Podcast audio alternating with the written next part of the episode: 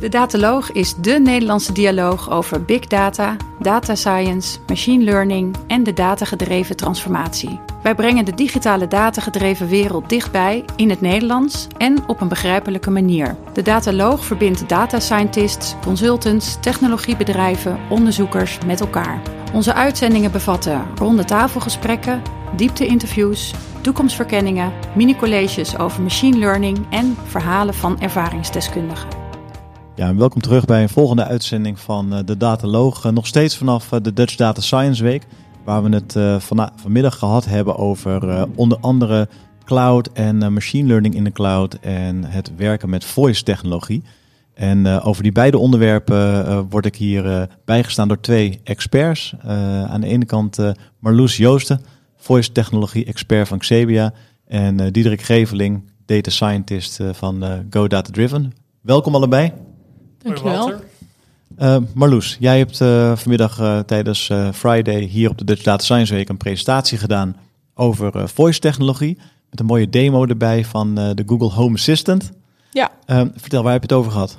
Nou, we hebben eigenlijk gewoon een korte introductie gegeven over wat is nou voice technologie, waar, waar komen we vandaan. Zien we bijvoorbeeld verschuiving, dat we eerst hebben het over web first uh, gehad, uh, toen kwam mobile first, maar ja, is nu assistant first, is dat dan de next revolution?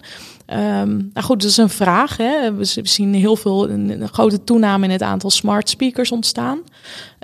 Um, en ja, wat kan je er nou mee? Dus eh, dat was eigenlijk ook een vraag van ja, hè, welke beperkingen heeft het? Uh, wat kunnen we ermee? Waar gaat het naartoe? Um, en hoe kun je eigenlijk zelf uh, iets bouwen in zo'n smart speaker? Ja, want je werd heel mooi uh, aangekondigd door de Google Home. Ja. Um, dus dat soort toepassingen, ja, dat is natuurlijk hartstikke leuk. Um, maar wat voor andere toepassingen zie je?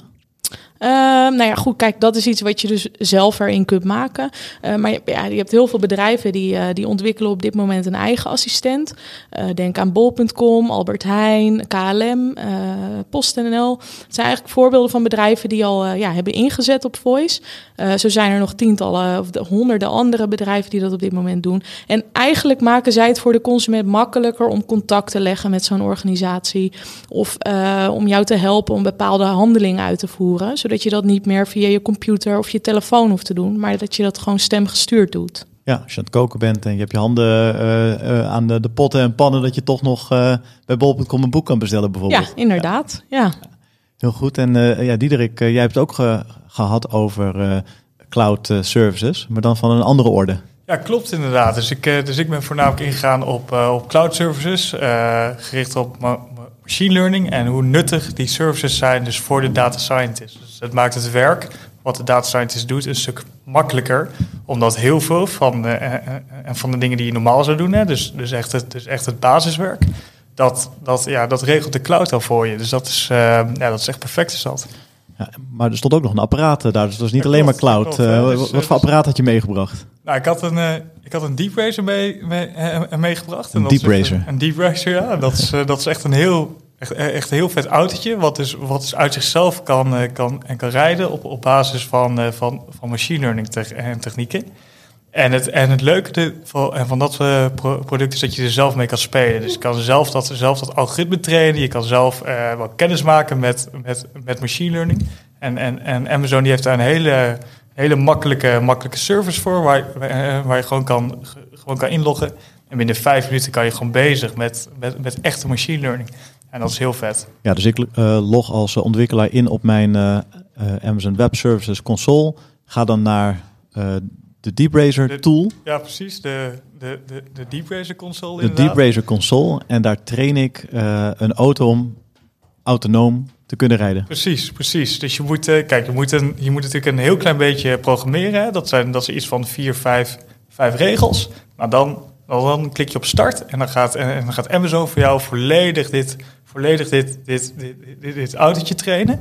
En dan zie je dit dus ook, dus ook in een simulator. Dus hoe goed jouw code uh, deze, en, en, deze auto weet te, weet te besturen. En dan later kan je dit kopiëren naar de, naar de daadwerkelijke Deep Racer. Kijk, en dan kun je dit op een, op, op een echte baan uitproberen, dus in, dus in, dus in real life. Ja. Dus je kunt er al thuis mee beginnen en dan later kan je gewoon dat autootje bijpakken. Ja, dus uh, ik stel me zo voor dat er ook een processor uh, in die auto zit.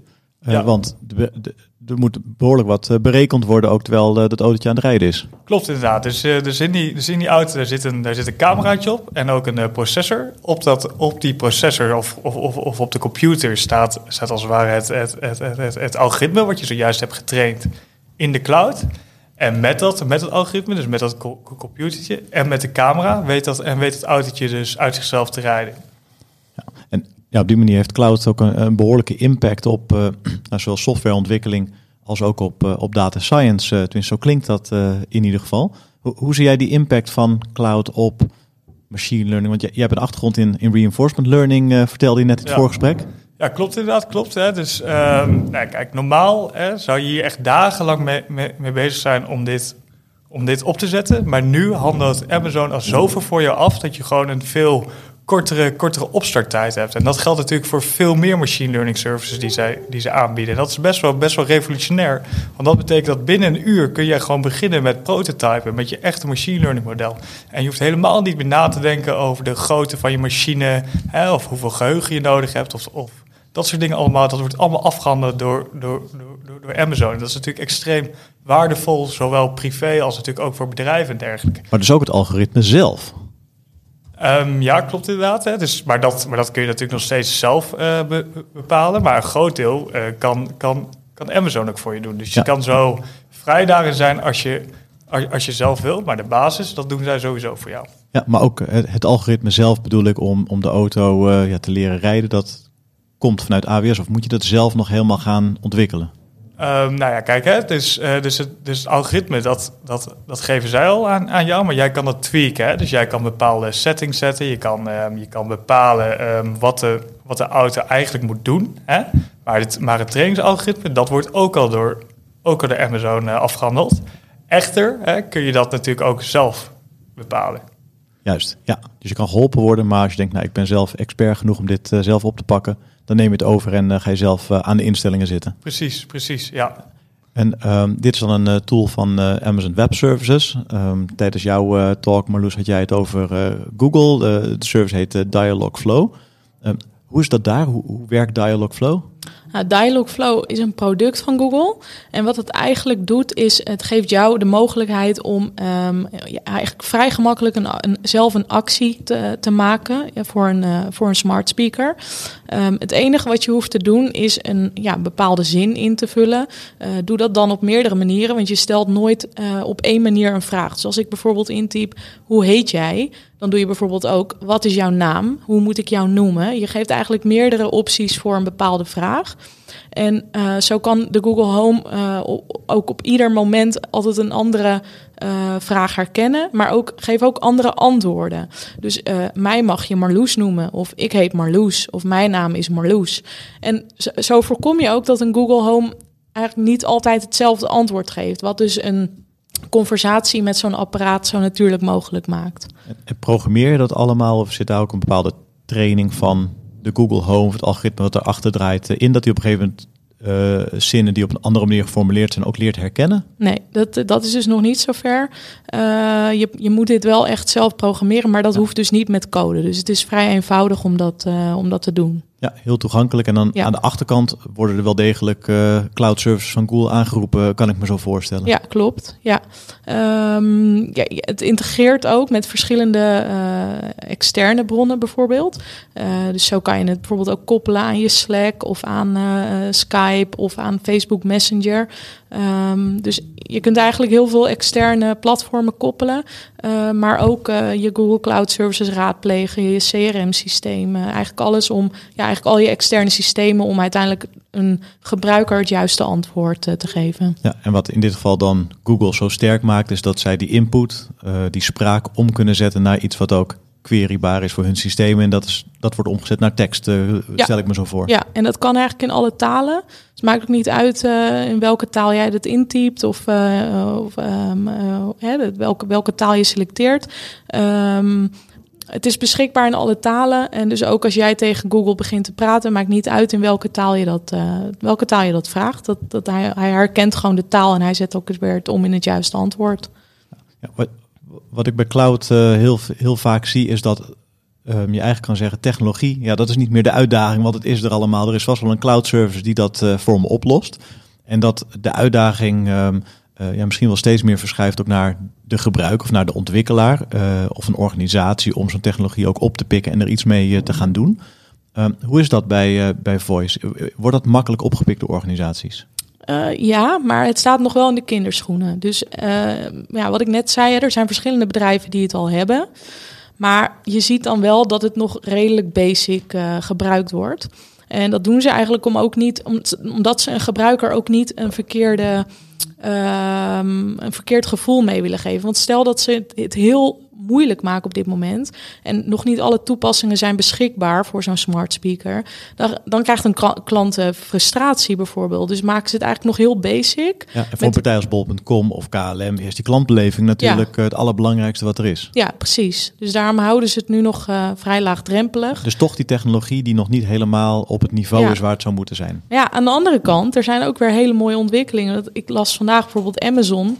Die gaat binnenkort ook iets, iets, iets maken dat zij ook je emotie herkennen. Dus zij kunnen bijvoorbeeld aan mij, ik ben op dit moment verkouden. En dan zou mijn Alexa op dat moment horen dat ik verkouden ben. En dan gaan ze dus ook eh, ehm, eh, bijvoorbeeld hoesdrank of zo als advertentie er doorheen gooien. Ze, ze herkennen dus de emotie in mijn stem. Ehm, ja, goed, het is de vraag of Zitten dat ook... gebruikers daarop te wachten? Ja, dat is de vraag.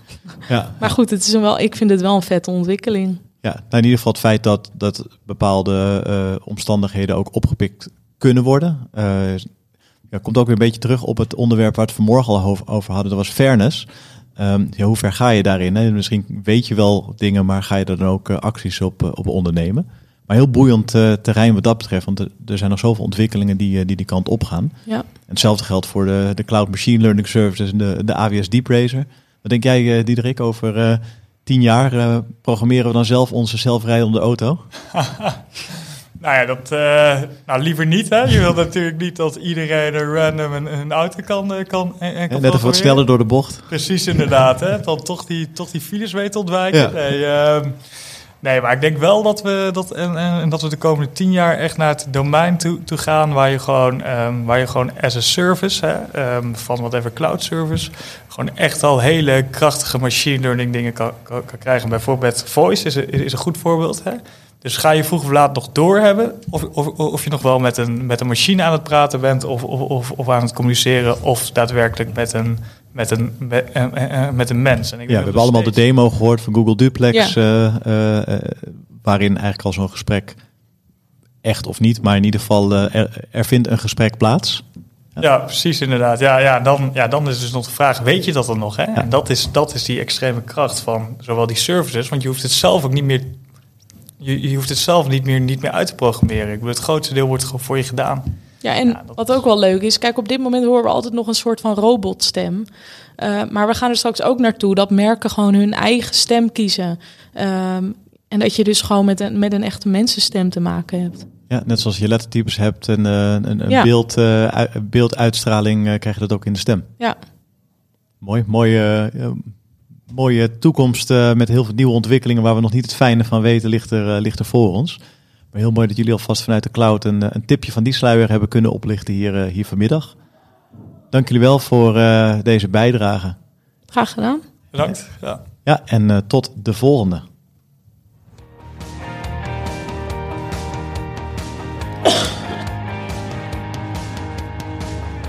Bedankt voor het luisteren naar deze uitzending van de Dataloog podcast. Wil je automatisch wekelijkse podcast ontvangen? Klik dan op subscribe in jouw favoriete podcastprogramma. Vond je onze podcast leuk, goed, interessant of wellicht te veel ene en nullen? Laat een review achter of geef thumbs up. Heb je vragen of opmerkingen? Kijk dan ook eens op www.dedataloog.nl. Hier staan ook de show notes van alle uitzendingen. De studio van de Dataloog is gesponsord door het onderzoeksprogramma Urban Technology van de Hogeschool van Amsterdam. Alles wat we maken doen we onder Creative Commons. Je mag alles hergebruiken voor niet-commerciële doeleinden, zolang je ons als bron maar noemt. Volg ons op Twitter op @dedataloog. Graag tot de volgende keer en voor nu tot data.